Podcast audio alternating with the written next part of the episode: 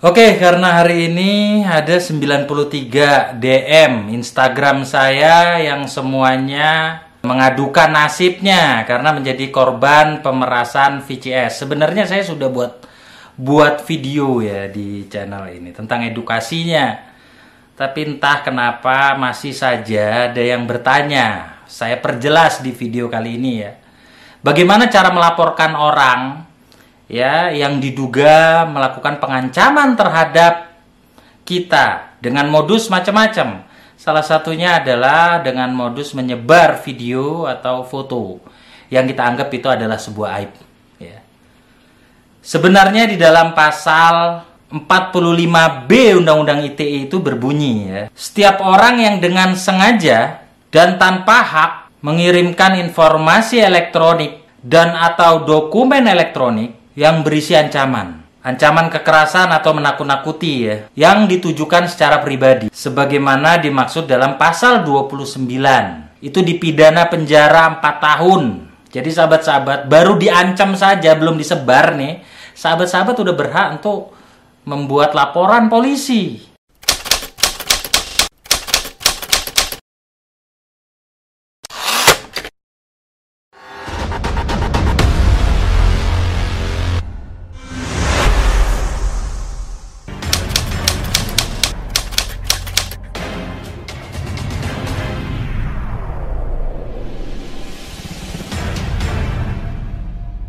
Jangan pernah takut ya, baru kalian diancam, itu video belum disebar. Kalian berhak membuat laporan polisi.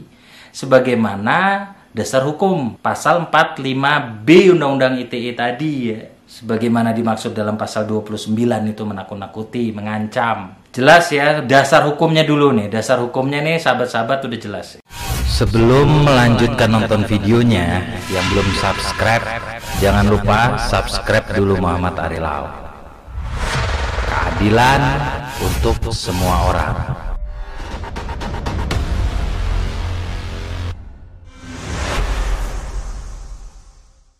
Ada di chat itu yang bertanya, Bang Ari nanti apakah kami bisa kena undang-undang pornografi seperti kasus artis?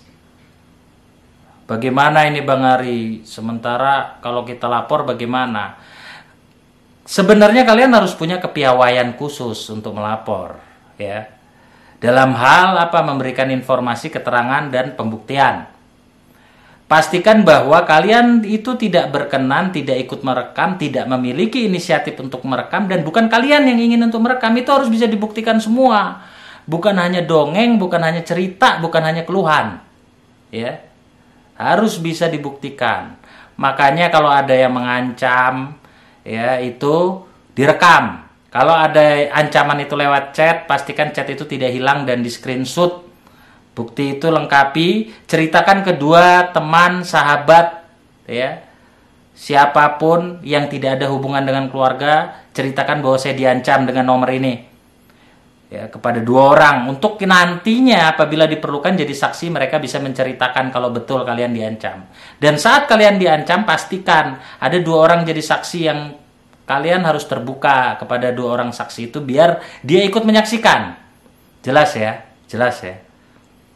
Supaya apa? Supaya apabila kalian membuat laporan dan bercerita kepada penyidik pada pihak kepolisian kepada SPK ya SPKT ya tempat pelayanan untuk membuat laporan, kalian itu punya dasar alat bukti yang jelas.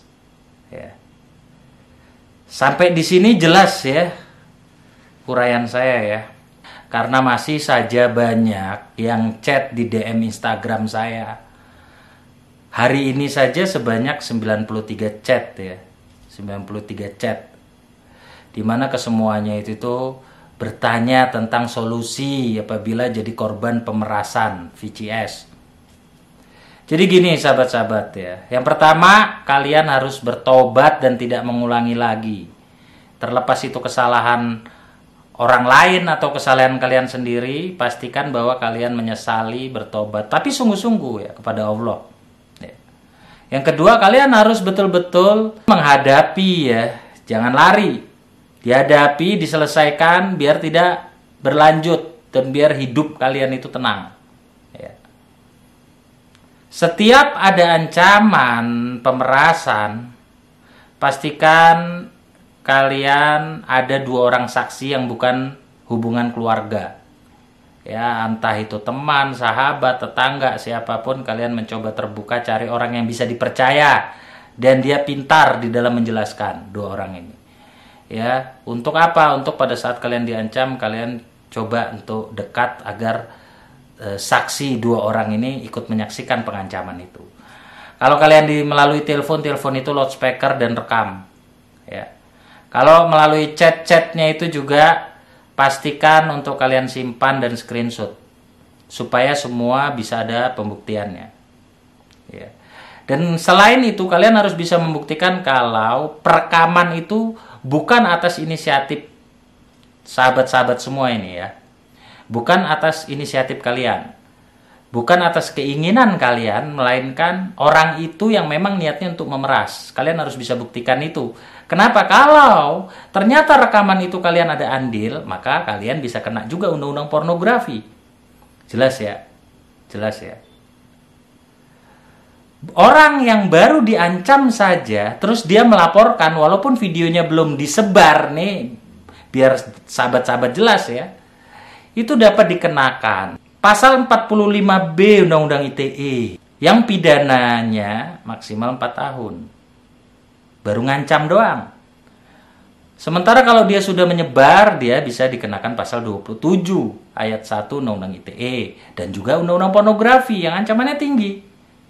Ya. 6 tahun, di atas 5 tahun ya. Jelas sampai di sini ya.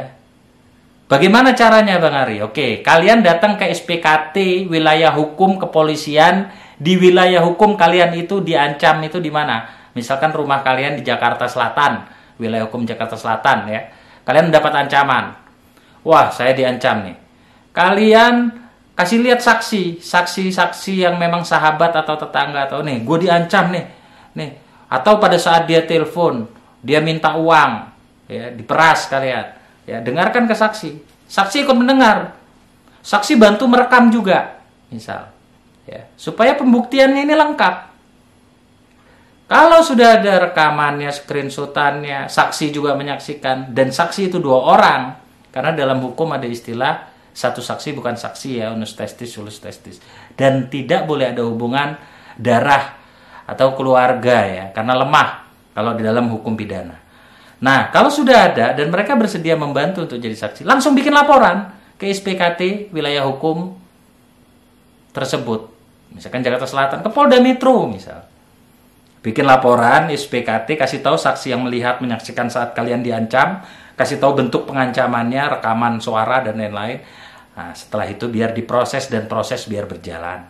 Tapi ingat, kalau itu merasa sahabat-sahabat juga ada kelalaian dan kesalahan di dalamnya, segera bertobat, tidak mengulangi lagi. Maka lepaslah dari jeratan ini. Jelas ya? Oke. Itu saja saya tidak mengulang lagi ya. Untuk menjelaskan, saya rasa dari penjelasan ini sahabat-sahabat bisa mengerti dan semoga terbebas dari jeratan-jeratan dan bisa merasakan keadilan. Karena keadilan untuk semua orang semua orang tetap harus merasakan keadilan. Assalamualaikum warahmatullahi wabarakatuh.